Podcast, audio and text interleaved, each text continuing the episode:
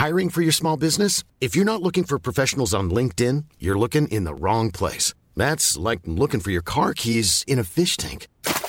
LinkedIn helps you hire professionals you can't find anywhere else, even those who aren't actively searching for a new job but might be open to the perfect role. In a given month, over 70% of LinkedIn users don't even visit other leading job sites. So start looking in the right place. With LinkedIn, you can hire professionals like a professional. Post your free job on linkedin.com slash people today. Halo pendengar GGMI Podcast, baik lagi bersama kita berdua. Dan pada episode kali ini adalah podcast episode merayakan kedatangan satu pemain pinjaman MU yang kedua dalam satu bursa musim transfer musim dingin. Ya Ung ya, sebelumnya kita datangin Yes. Scotland dan sekarang setelah di Here We Go In sama Don Fabrizio, Wout Weghorst akhirnya resmi berseragam Manchester United sampai dengan akhir musim. Gimana pendapat lo? akhirnya ya setelah kita mencari-cari striker di bursa transfer musim dingin ini gitu yang kurang lebih selama mungkin hampir satu bulan lah ya kenceng bahwa memang United ini butuh seorang striker gitu dan nama-nama seperti Joao Felix Memphis Depay bahkan yang makin gak jelas gitu kali ya Hmm. rumornya kayak Zidane Abu Bakar dan juga Ivan Toni itu juga sering banget lah muncul gitu sampai akhirnya kita akhirnya resmi mendapatkan Wood Weghorst gitu yang mungkin sekarang kita tinggal tunggu pengumuman officialnya kali ya cuman Ya. ketika seorang Fabrizio Romano itu sudah mulai nge-tweet ya 99% kan hampir kejadian gitu ya jadinya Ya. ini adalah suatu yang menurut gue sih patut untuk dirayakan sih walaupun gue yakin bahwa nggak semua orang tuh tahu Wood Weghorst ya dan tentu gue sendiri eh gue sendiri tahu tahu dia tuh malah justru lewat FIFA men waktu itu mungkin di musim lalu dia waktu masih di Burnley kan Iya. masih di Burnley terus kayak eh siapa ini striker.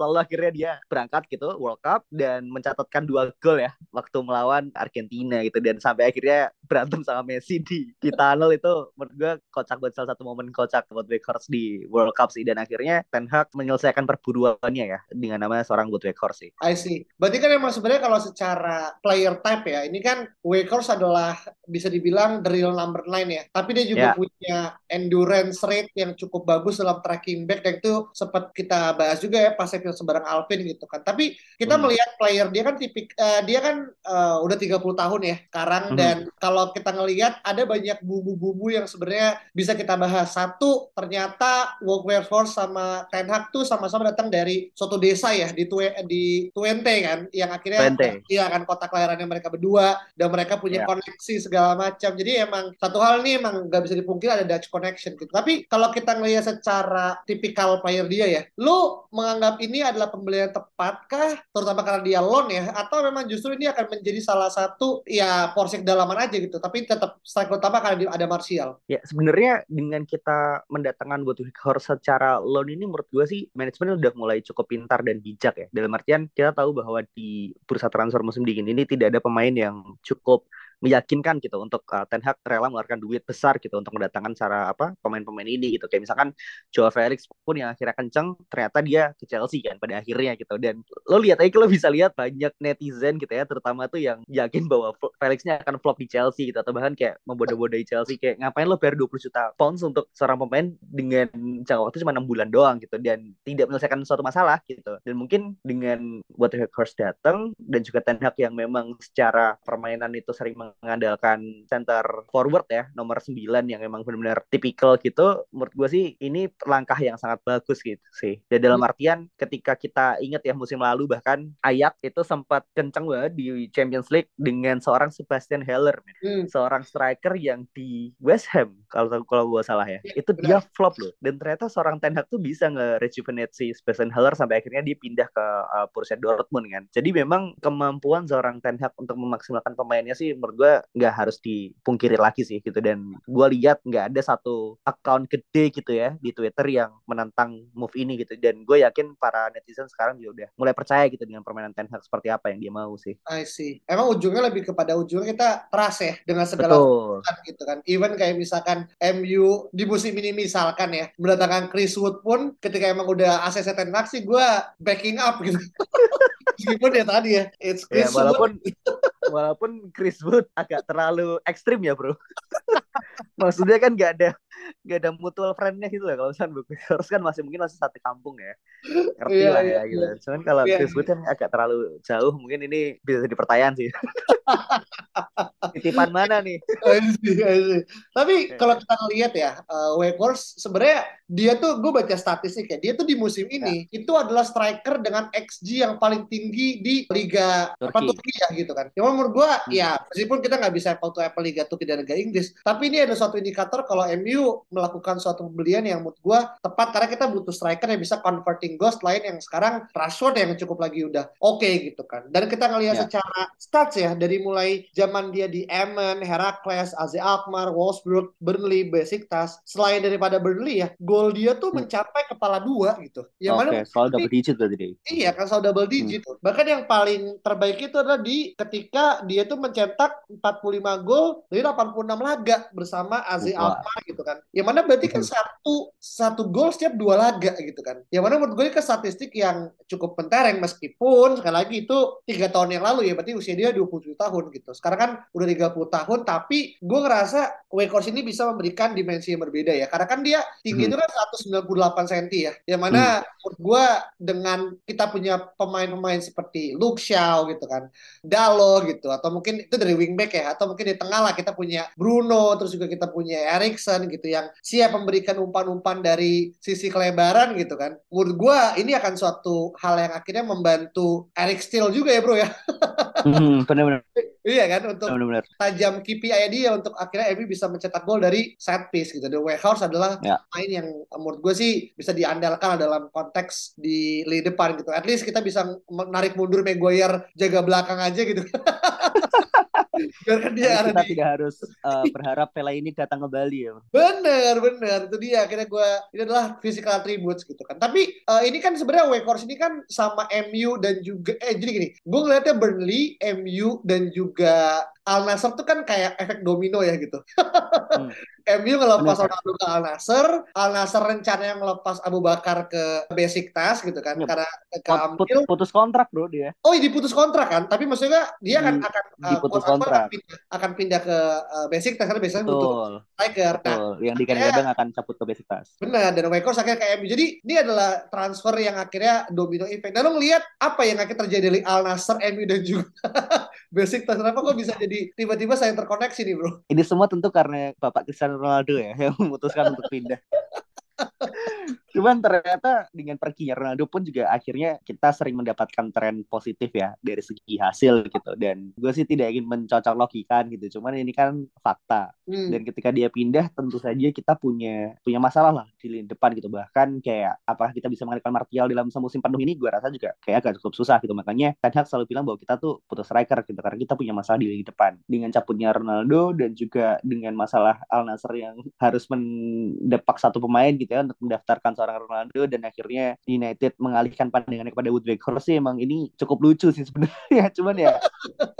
cuman ya ini inilah sepak bola ya maksudnya kayak dulu gue masih ingat gimana ya waktu itu sempat ada kalau lo ingat kenapa Ozil bisa pindah ke Arsenal kan karena kita beli Robin van Persie kan di musim yang sama gitu sampai akhirnya kayak domino effect juga gitu pada saat itu. Jadi kayak ya this is football cuman yang yang jelas gue berharap memang move ini beneran sukses sih. Hmm. gitu karena ekspektasi kita tentu aja terhadap seorang Wood Weghorst kan cukup tinggi ya Ya, mhm. dan kalau kita ngomongin tipikal pemain yang datang secara tiba-tiba ya, kita kan juga udah pernah Mhm. ada pengalaman lah dengan Cavani, eh, dengan Alexis Sanchez gitu kan, atau bahkan dengan Hmm. Falcao ya gitu kan yang agak tarik mundur atau bahkan kalau agak sedikit mundur lebih jauh adalah eh, Hendrik Lassen ya bro ya di zamannya Vergi kan yang akhirnya datang dari Rangers ya kalau gue nggak salah gitu kan di usia yang mungkin udah nggak muda lagi gitu kan dan mencetak satu gol yang menurut gue golnya sangat fenomenal lah kalau teman-teman juga mungkin masih ingat dulu pas masih zaman kita kecil gitu kan Hendrik Lassen. Nah lu ngelihat kalau secara kontrak dia kan dikontrak sampai akhir musim ya dan satu hal yang gue suka tuh Ya. dia katanya sempat pada saat kemarin Besiktas nggak setuju gitu gitu. Dia mau nebus Hmm. kontraknya sendiri gitu. Jadi Hmm. dia benar-benar kekeh gitu. Dan ini adalah passion yang akhirnya gue banggakan gitu. Nah, kira-kira menurut lu ya, in case kalau emang dia akhirnya bagus, eh, gacor lah dengan berbagai macam mungkin KPI-KPI yang dia punya, apakah lu rela untuk kita akhirnya memper- mempermanenkan Wakehorse meskipun terlalu jauh, tapi lu ngelihat mungkin dia bisa menjadi second backup untuk mungkin the real, the real striker yang akan kita beli nanti atau gimana? sangat mungkin sih menurut gue ketika dia memang beneran bisa deliver ya dalam artian selama enam bulan ini dia punya semacam ya bisa benar-benar mengimprove sebuah tim lah dan juga punya output yang oke dalam artian dia bisa memang beneran gacor sih I don't see why not ya dengan jumlah dia gue rasakan kayak kayak di bawah 10 juta lah untuk untuk nebus dia gitu Hmm. dari Burnley. Cuman jangan sampai bahwa ketika kita nebus Weghorst kita nggak cari striker lagi men gitu. Karena tentu di depan ini kan akan sangat sangat pack ya. Elanga gue yakin mungkin akan cabut di musim depan atau mungkin di mus- di bursa transfer musim ini gitu. Karena Everton juga katanya sedang gencar kan untuk datengin dia gitu. Dan Martial I'm not sure apakah dia tetap bisa jadi lini depan yang bisa kita andalkan week in week out gitu. Walaupun Ten Hag juga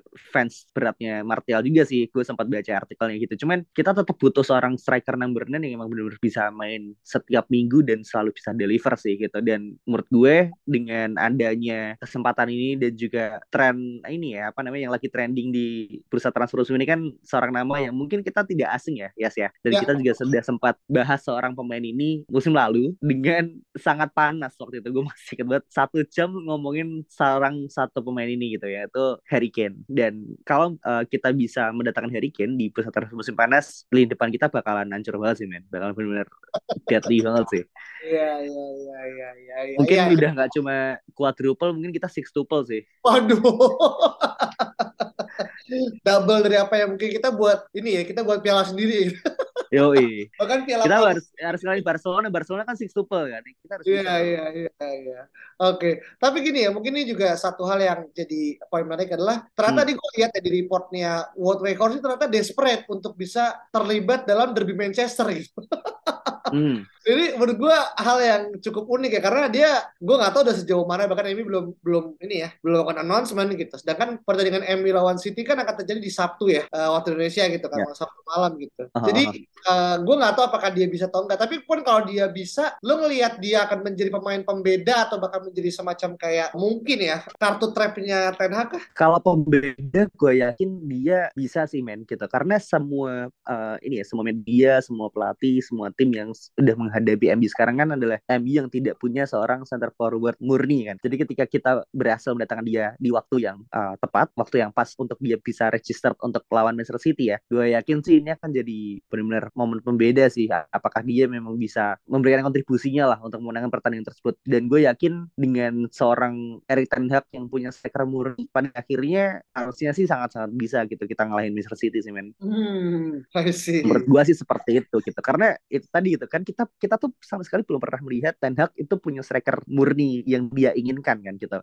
karena gue yakin ketika musim musim ini pun uh, awal musim ketika dia harus memainkan Cristiano Ronaldo itu lebih ke kepada tuntutan ya. Ya. ya kan? Bukan bukan murni buah pemikiran dia bahwa dia adalah cocok seorang pemain yang cocok dengan skema yang apa dia mau gitu. Dan dengan datangnya Wood Weghorst ini kan harusnya ini sudah melalui thinking proses yang cukup dalam ya. Apalagi Ten Hag kan punya sistem permainan yang cukup kompleks lah gue bilang gitu. Dan dengan adanya seorang striker murni ini ini bisa jadi momen yang menarik sih untuk kita. Gak hanya mengalahkan Manchester City itu tapi juga mengukuhkan posisi di top 4 Hmm, iya iya. Dan mungkin terakhir kali ya terkait dengan Mhm. Wekos ini kan uh, kita kan adalah tim satu-satunya ya di EPL yang masih Hmm. bertahan di empat kejuaraan berbeda ya. Uh, Yes. Inggris masih aktif, betul ya kan terus juga FA juga kemarin kita menang lawan Everton, terus juga Ah. Carabao kita juga akhirnya lolos ke tahapan semifinal. Bahkan rival sekota yang mungkin di episode sebelumnya gue sama Alvin bilang gue pengen deh ketemu City, eh City nya pamit duluan gitu.